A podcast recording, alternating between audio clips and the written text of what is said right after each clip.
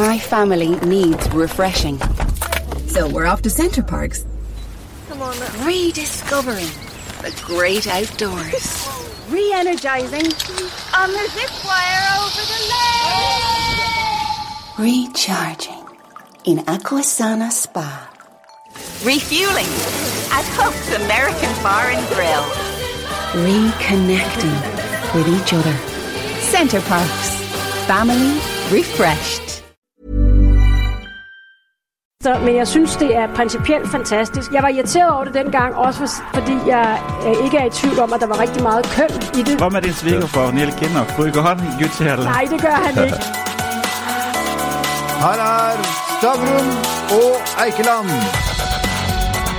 Helle Thorning-Smith, du ble valgt til statsminister i Danmark i 2011. Så sa du i din tiltredelsestale at du ønsket en grønn politikk med balanse i de offentlige finansene. Reformer ble ditt varemerke. Eh, hva ville du sagt i dag? Øh, det samme. Øh, nu er dansk økonomi heldigvis i en lidt anden situation, end vi var dengang. Blandt andet på grund af de reformer, som, øh, som vi gennemførte i min regering. Og, og det betyder jo så, at man øh, er endnu bedre i stand til at tage, tage næste kapitel i øh, en grøn rejse for Danmark. Og det er jeg også glad for, at regeringen er i gang med. Øh, man er i fuld gang med at tage de skridt. Øh, men de skridt kræver også, at man har en sund økonomi, at man har gennemført reformer, og jeg er bare glad for, at de reformer, vi gennemførte, øh, som for eksempel øh, en skattereform øh, og, og en uddannelsesreform, at de stadig står, fordi de er en del af fundamentet for, at øh, Danmark har en stærk og sund økonomi. Eh, Men en av de uh, tingene som uh, du er mest urolig, urolig for, det er jo da ulikhetene mellom fattig og rik. Det er meget vigtigt, at man perspektiverer det, for det der er nogle steder, hvor det ikke er alle, der har haft glæde af globaliseringen. Og det synes jeg i særdeleshed, man ser i Storbritannien, hvor jeg bor selv nu, øh, hvor man virkelig kan se, at der er forskel mellem rig og fattig, men måske mest af alt, at der er for, stor forskel i de muligheder, befolkningen har. Øh, det har vi ikke så meget i øh, Sverige og Norge og Danmark. Der har vi øh, et velfærdssamfund, som sikrer, at rigtig mange har rigtig gode muligheder for sundhed, for at få en god uddannelse og for at bestemme deres eget liv, så at sige. Det har man ikke altid i Storbritannien, fordi at man har lavet ulighederne vokse for meget. Men når man taler om global ulighed, er det vigtigt at huske på, at de 85 procent af verdens befolkning, som bor i andre lande end de vestlige lande, der har de jo haft, de sidste 30 år har jo været verdenshistoriens bedste 30 år, øh, hvor de har fået nye muligheder, også nye økonomiske muligheder, som de aldrig har haft før. Så det er jo også en del af historien om den markedsbaserede globalisering. Men jeg, jeg forstår deg dit enn at du er skeptisk til global kapitalisme og liberalisering. Eller nej, liberalisme. Nej, overhovedet ikke. Jeg, er, tror bare, jeg tror bestemt på markedet, øh, og jeg mm. mener også, at markedskræfterne og kapitalisme er en del af løsningen, når vi skal løse alle de udfordringer, vi står overfor. Øh, for eksempel øh, klimakrisen. Der er markedet en del af løsningen. Men vi bliver også nødt til at erkende, at hvis det skal være en del af løsningen, så skal kapitalismen forny sig i de kommende år øh, og finde en helt anden måde at øh, håndtere ting på. Og derfor kan, skal vi erkende, at politikerne kan ikke klare det alene.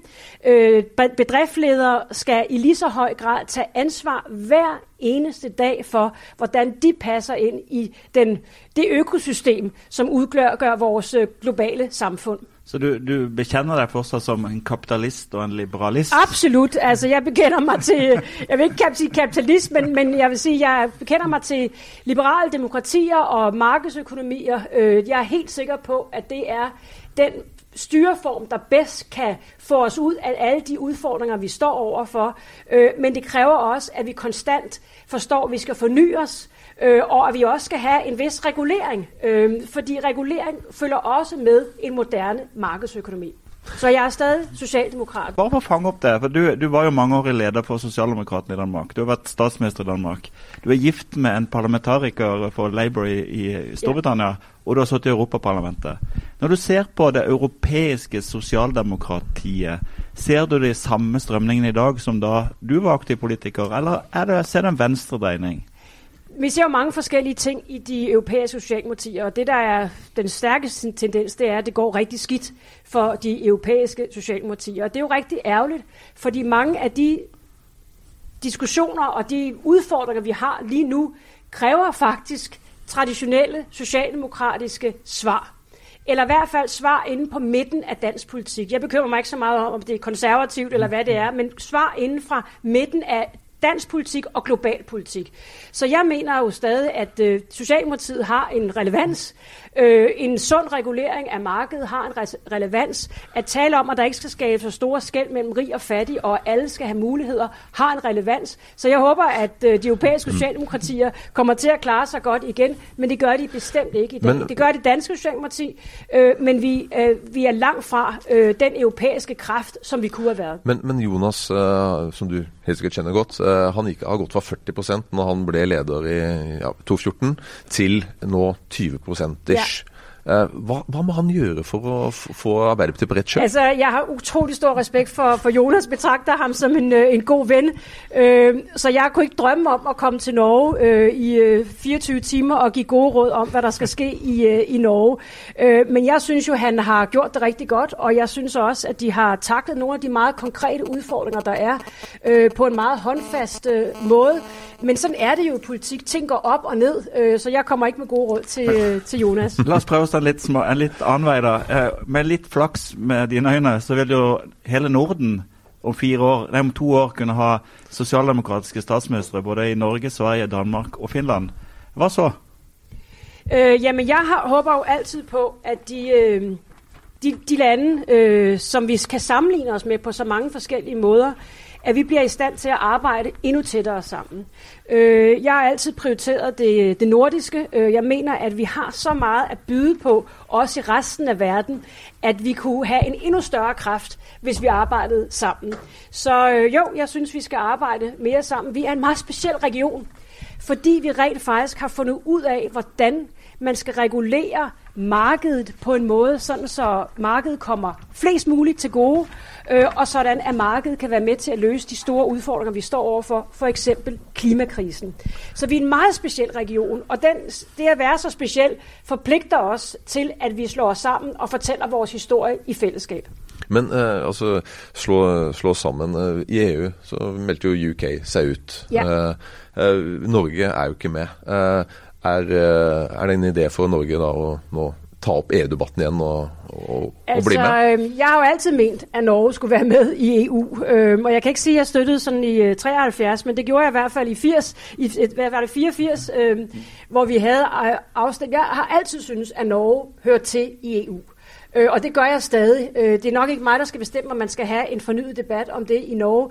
Men jeg mener selvfølgelig, at Norge ville være bedre tjent med at sidde med ved de beslutninger, der træffes, som påvirker Norge under alle omstændigheder, så vil det være dejligt at have Norge med til at træffe de beslutninger. Øh, og det vil selvfølgelig også styrke den nordiske dimension i EU, hvis Norge var med. Men du har jo også ment at eh, nasjonene bør avgi mer suverenitet til Ja. EU, altså gi makt til EU. Ja. Det blir jo skrekk og gru for eh, de norske eh, Øhm. Det kan jeg også godt forstå, når man siger det på den måde. Nu skal vi bare afgive mere suverænitet. Men hvis vi nu går et par skridt tilbage og spørger os selv, hvordan, hvad er det for nogle udfordringer, vi egentlig gerne vil løse sammen, som påvirker dit og mit liv hver eneste dag? Det er klimaudfordringer, det er grænseoverskridende kriminalitet, cyberkriminalitet, terror, terrortruslen, øh, øhm, hvor det faktum, at vi ikke kan bevogte vores ydre grænser i tilstrækkelig grad. Hvis vi bare tager de fem udfordringer, så tror jeg, at alle kan blive enige om, at de kun kan løses ved mere samarbejde hen over grænserne.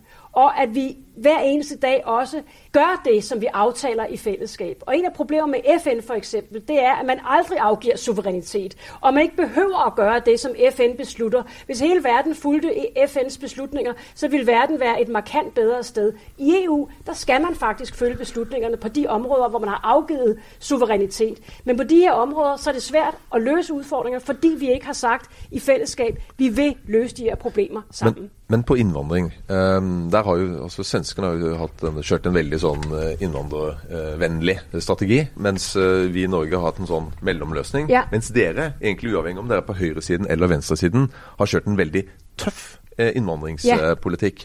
Eh, hvordan kan man klare da å forene alle disse det er bare, Dette er bare i Norden? Jamen, det er også helt utrolig svært, hvor man har forskellige tænkninger om det. Men der er ingen tvivl om, at dengang der kom rigtig mange flygtninge til Europa på grund af krigen i Syrien, der ville det have været bedre, hvis vi havde haft en fælles politik i forhold til at håndtere den indvandring, eller de flygtninge, der kom. Hvis vi havde haft bedre muligheder for at fordele øh, flygtninge i hele Europa, frem for at der var nogle lande, der blev magneter, som for eksempel Sverige, øh, og fordi vi ikke havde en fælles aftale. Så jeg tror, at vi alle sammen ville have været bedre tjent med at have bedre aftaler om, hvordan vi skulle fordele flygtninge, men det kræver, at man giver en lille smule mere ansvar og magt til EU. Du nevnte svenskene. Eh, har de vært naive? Øh, jeg ved ikke, om de har været naive. Det er et meget stærkt ord at anvende, men jeg har ikke været enig i deres politik. Øh, og jeg tror også, at man i øjeblikket i Sverige ser konsekvenserne af øh, en politik, øh, som jeg mener, øh, jeg mener, de ville have været bedre tjent med en mere restriktiv politik, som for eksempel Danmark havde det. Øh, din udenrigsminister øh, Martin Lidegaard øh, han annonserte ideen om en Marshallplan for, for Afrika. Er du enig i det? Det er jeg øh, meget enig i. Altså, man kan altid diskutere, om man skal gå tilbage i historien og finde de, øh, finde de her eksempler, men jeg, jeg mener, at der kan være en stor fornuft i at snakke om, hvordan vi får udviklet vores nabo i Afrika. Øh, hvordan vi får skabt nye job. Som jeg lige har nævnt på talerstolen, så har vi rekordmange teenager i verden lige nu. Der har aldrig været så mange teenager. Hvis vi ikke sikrer, at de teenager har muligheder i verden, og hvis vi samtidig har et internet, hvor de hver eneste dag kan se de muligheder, som andre teenager har i resten af verden, så får vi aldrig de unge til at være med til at bygge deres egne lande op, tage uddannelse, være en del af den infrastruktur, som er nødvendig.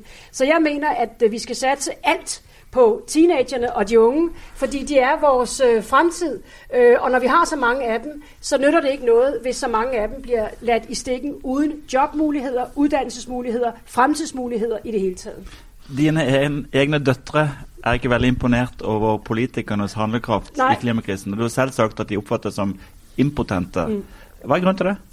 Jamen det er jo fordi, at øh, den generation øh, af de der øh, 20-25-årige, de ser på vores generation, 50 plus, og, og siger, hvad har I egentlig gjort? Øh, hvad har I gjort for at øh, sikre, at vi ikke står med de her voldsomme problemer? Og man kan jo ikke fortænke dem i, at de synes, at vi har leveret en, øh, en meget uheldig cocktail til dem, øh, i, som de skal, øh, som de skal øh, dele med på en eller anden måde. Så jeg tror, der er rigtig mange i den generation, som ikke synes, at demokratiet har virket for den næste generation, og vi ikke i høj nok grad har taget vare på at aflevere en bedre verden til dem, end den øh, vi selv overtog. Og det har vi ikke. Hva gjør du nå? Jamen, jeg sidder her og taler med jer, øhm, og det er også Du hyggeligt. sitter i styret i Vestas. Jeg sidder i mange forskellige bestyrelser. Ja. Jeg sidder i bestyrelser i øh, nogle danske virksomheder, britiske virksomheder og amerikanske virksomheder, og så, så det er det, jeg laver. Hvordan går dagen din? Hva gjør du en vanlig dag? Jamen, jeg øh, sidder i bestyrelser. Jeg øh, arbejder med øh, mit, øh, mit arbejde, som er altså non-profit arbejde, hvor jeg sidder i tænketanke. Jeg har nogle ting, der kommer op her i 2020, som bliver vanvittigt spændende. Øhm, så, så jeg laver mange forskellige ting, og det jeg gerne vil, det er at være med til at gøre verden til et lidt bedre sted. Øh, og, og det kommer jeg til at gøre endnu mere af i 2020. Jeg må bare spørre om en ting. Eh, dansk presse satte jo tidlig et stempel på deg og kalte deg for Gucci-helle. Ja. Det, det søkeordet gir fire millioner treff på Google. Liker du eller misliker du det navnet, og hvorfor fikk du det? Jamen, ja, der er ingen tvivl om, at det var et navn, som på en eller anden måde passede godt til mig. øhm, fordi øh, det havde mange forskellige funktioner. Øh, at blive kaldt gucci det betød, at man kunne klassificere mig som en person, som, øh, som gik op i, i det ydre frem for det indre, og måske også det intellektuelle. Så det var sådan en måde at gøre det på. Det var også en måde at distancere mig fra Socialdemokratiets græsrødder, øh, ved at gøre mig til en person, der var lidt finere end øh, øh, Socialdemokratiets øh, græsrødder. At du var i fejl parti. Og, du? At du var i fejl parti. Ja, lige præcis. Og gøre mig til lidt mere højreorienteret. Så, så det fungerede godt af mange forskellige årsager. Det er jo som et øgenavn. Når det fungerer godt af mange forskellige årsager, og det er sjovt, så hænger det ved. Men det sjove var, at det holdt op i Danmark. Altså det holdt op for mange, mange år siden i Danmark. Der er ikke nogen, der bruger det overhovedet mere i, i Danmark. Så det er mest noget, jeg bliver spurgt om, når jeg taler med, med norsk og anden udenlandsk presse. Hva, hva med din svigerfar Neil Kinnock? Bruker han gudskjelle? Nej, det gør han ikke. Men, men du er jo litt opptatt av, eh, av forskjeller, ulikheter da, mellom Ja. fattig og rik. Men er det ikke da litt sånn ironisk at du er Gucci-hele? Ja, altså, det er jo bare et tilnavn. Det har ikke noget med, med virkeligheden at gøre, og det tror jeg også er vigtigt at huske på, at det har ikke noget med virkeligheden at gøre. Men det var et, et øgenavn, et tilnavn, som, som både mine politiske modstandere inden for Socialdemokratiet, men også uden for Socialdemokratiet, kunne bruge, og så er det sjovt. Og der er ikke noget, danskerne elsker mere end noget, noget der er sjovt. Øh, så kan man tilgive alt. Men påvirker det deg? Altså, Nej, det gør det ikke. Altså, øhm, jeg var irriteret over det dengang, også for, fordi jeg øh, ikke er i tvivl om, at der var rigtig meget køn i det, øh, og der er meget køn i politik stadig. Øh, så derfor irriterede det mig, øh, at, øh, at man ligesom brugte det øh, og gjorde det til en stor ting. Det har ikke vært lett eh, i, i eh, sosialdemokratiet i Norge heller, altså LO eller Arbeiderpartiet og sånt, å være kvinne. Altså Det har vært- en mannsdominert eh, bastion. Ja. Eh, og mange av de jeg har snakket med som har kommet seg opp, de, ja, det har ikke vært lett. Det har vært Ja. tøff. Ja. Hvordan opplevde du det? Altså Var dette en, en videreføring av den kampen, at du da ble leder av sosial... eh, Jamen, der er ingen tvivl om, at øh, køn stadig betyder meget øh, i vores allesammens hoveder. Det betyder meget, hvordan vi vurderer ledere, øh, og det betyder meget, hvordan vi vurderer øh, fejl. Og der er det med kvindeligt øh, lederskab, at folk vil gerne have en leder, som er kaptajn på skibet, og som tænker med hovedet frem for med hjertet. Men samtidig vil de også godt have sat deres kvindelige ledere til at være nogen, som har hjertet med, og som er følsomme øh, og er varme. Øh, og nogle gange kan der være så mange modsætninger i det, man kræver af en kvindelig leder, at, det faktisk, at man faktisk kommer til at fejle på flere af de her ting. Et godt eksempel er, at der var rigtig mange, der sagde til, til mig, øh, jamen vi kan ikke mærke dig, øh, fordi de synes, jeg var meget kølig som person.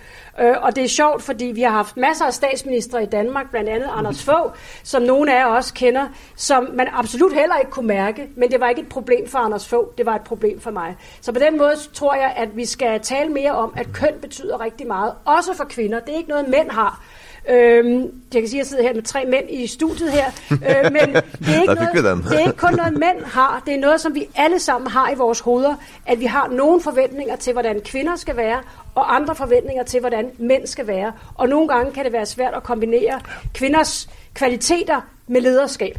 Helt til slutt. Eh, både Danmark og Finland har fått en ung socialdemokratisk kvindelig statsminister. Hvordan ser du på det? Jeg synes, det er helt fantastisk. Øh, jeg synes, det er helt fantastisk, at øh, jeg kender ikke så meget til den finske øh, statsminister, men jeg synes, det er principielt fantastisk, at øh, unge kan komme til tops, at politik ikke bare er forbeholdt de ældre generationer, og at øh, kvinder nu for alvor har brudt det glasloft, som har været for at komme øh, igennem. Husk på, det er 100 år siden, mere lidt over 100 år siden, vi fik stemme, øh, vi fik mulighed for, at, kvinder fik mulighed for at stemme i de nordiske lande.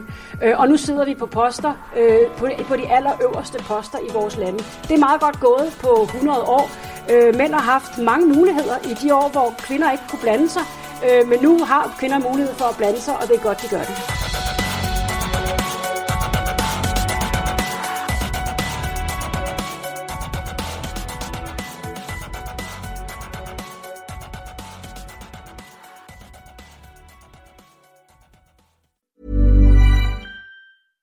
My family needs refreshing. So we're off to Center Parks. Come on. Rediscovering the great outdoors. Re-energizing on the zip wire over the lake. Recharging in Aquasana Spa. Refueling at Hook's American Bar and Grill. Reconnecting with each other. Center Parks. Family refreshed. Only the other week, didn't three people win over 300,000 euro each in the lotto draw? Talk about a happy new year. The National Lottery. It could be you. Play responsibly. Play for fun.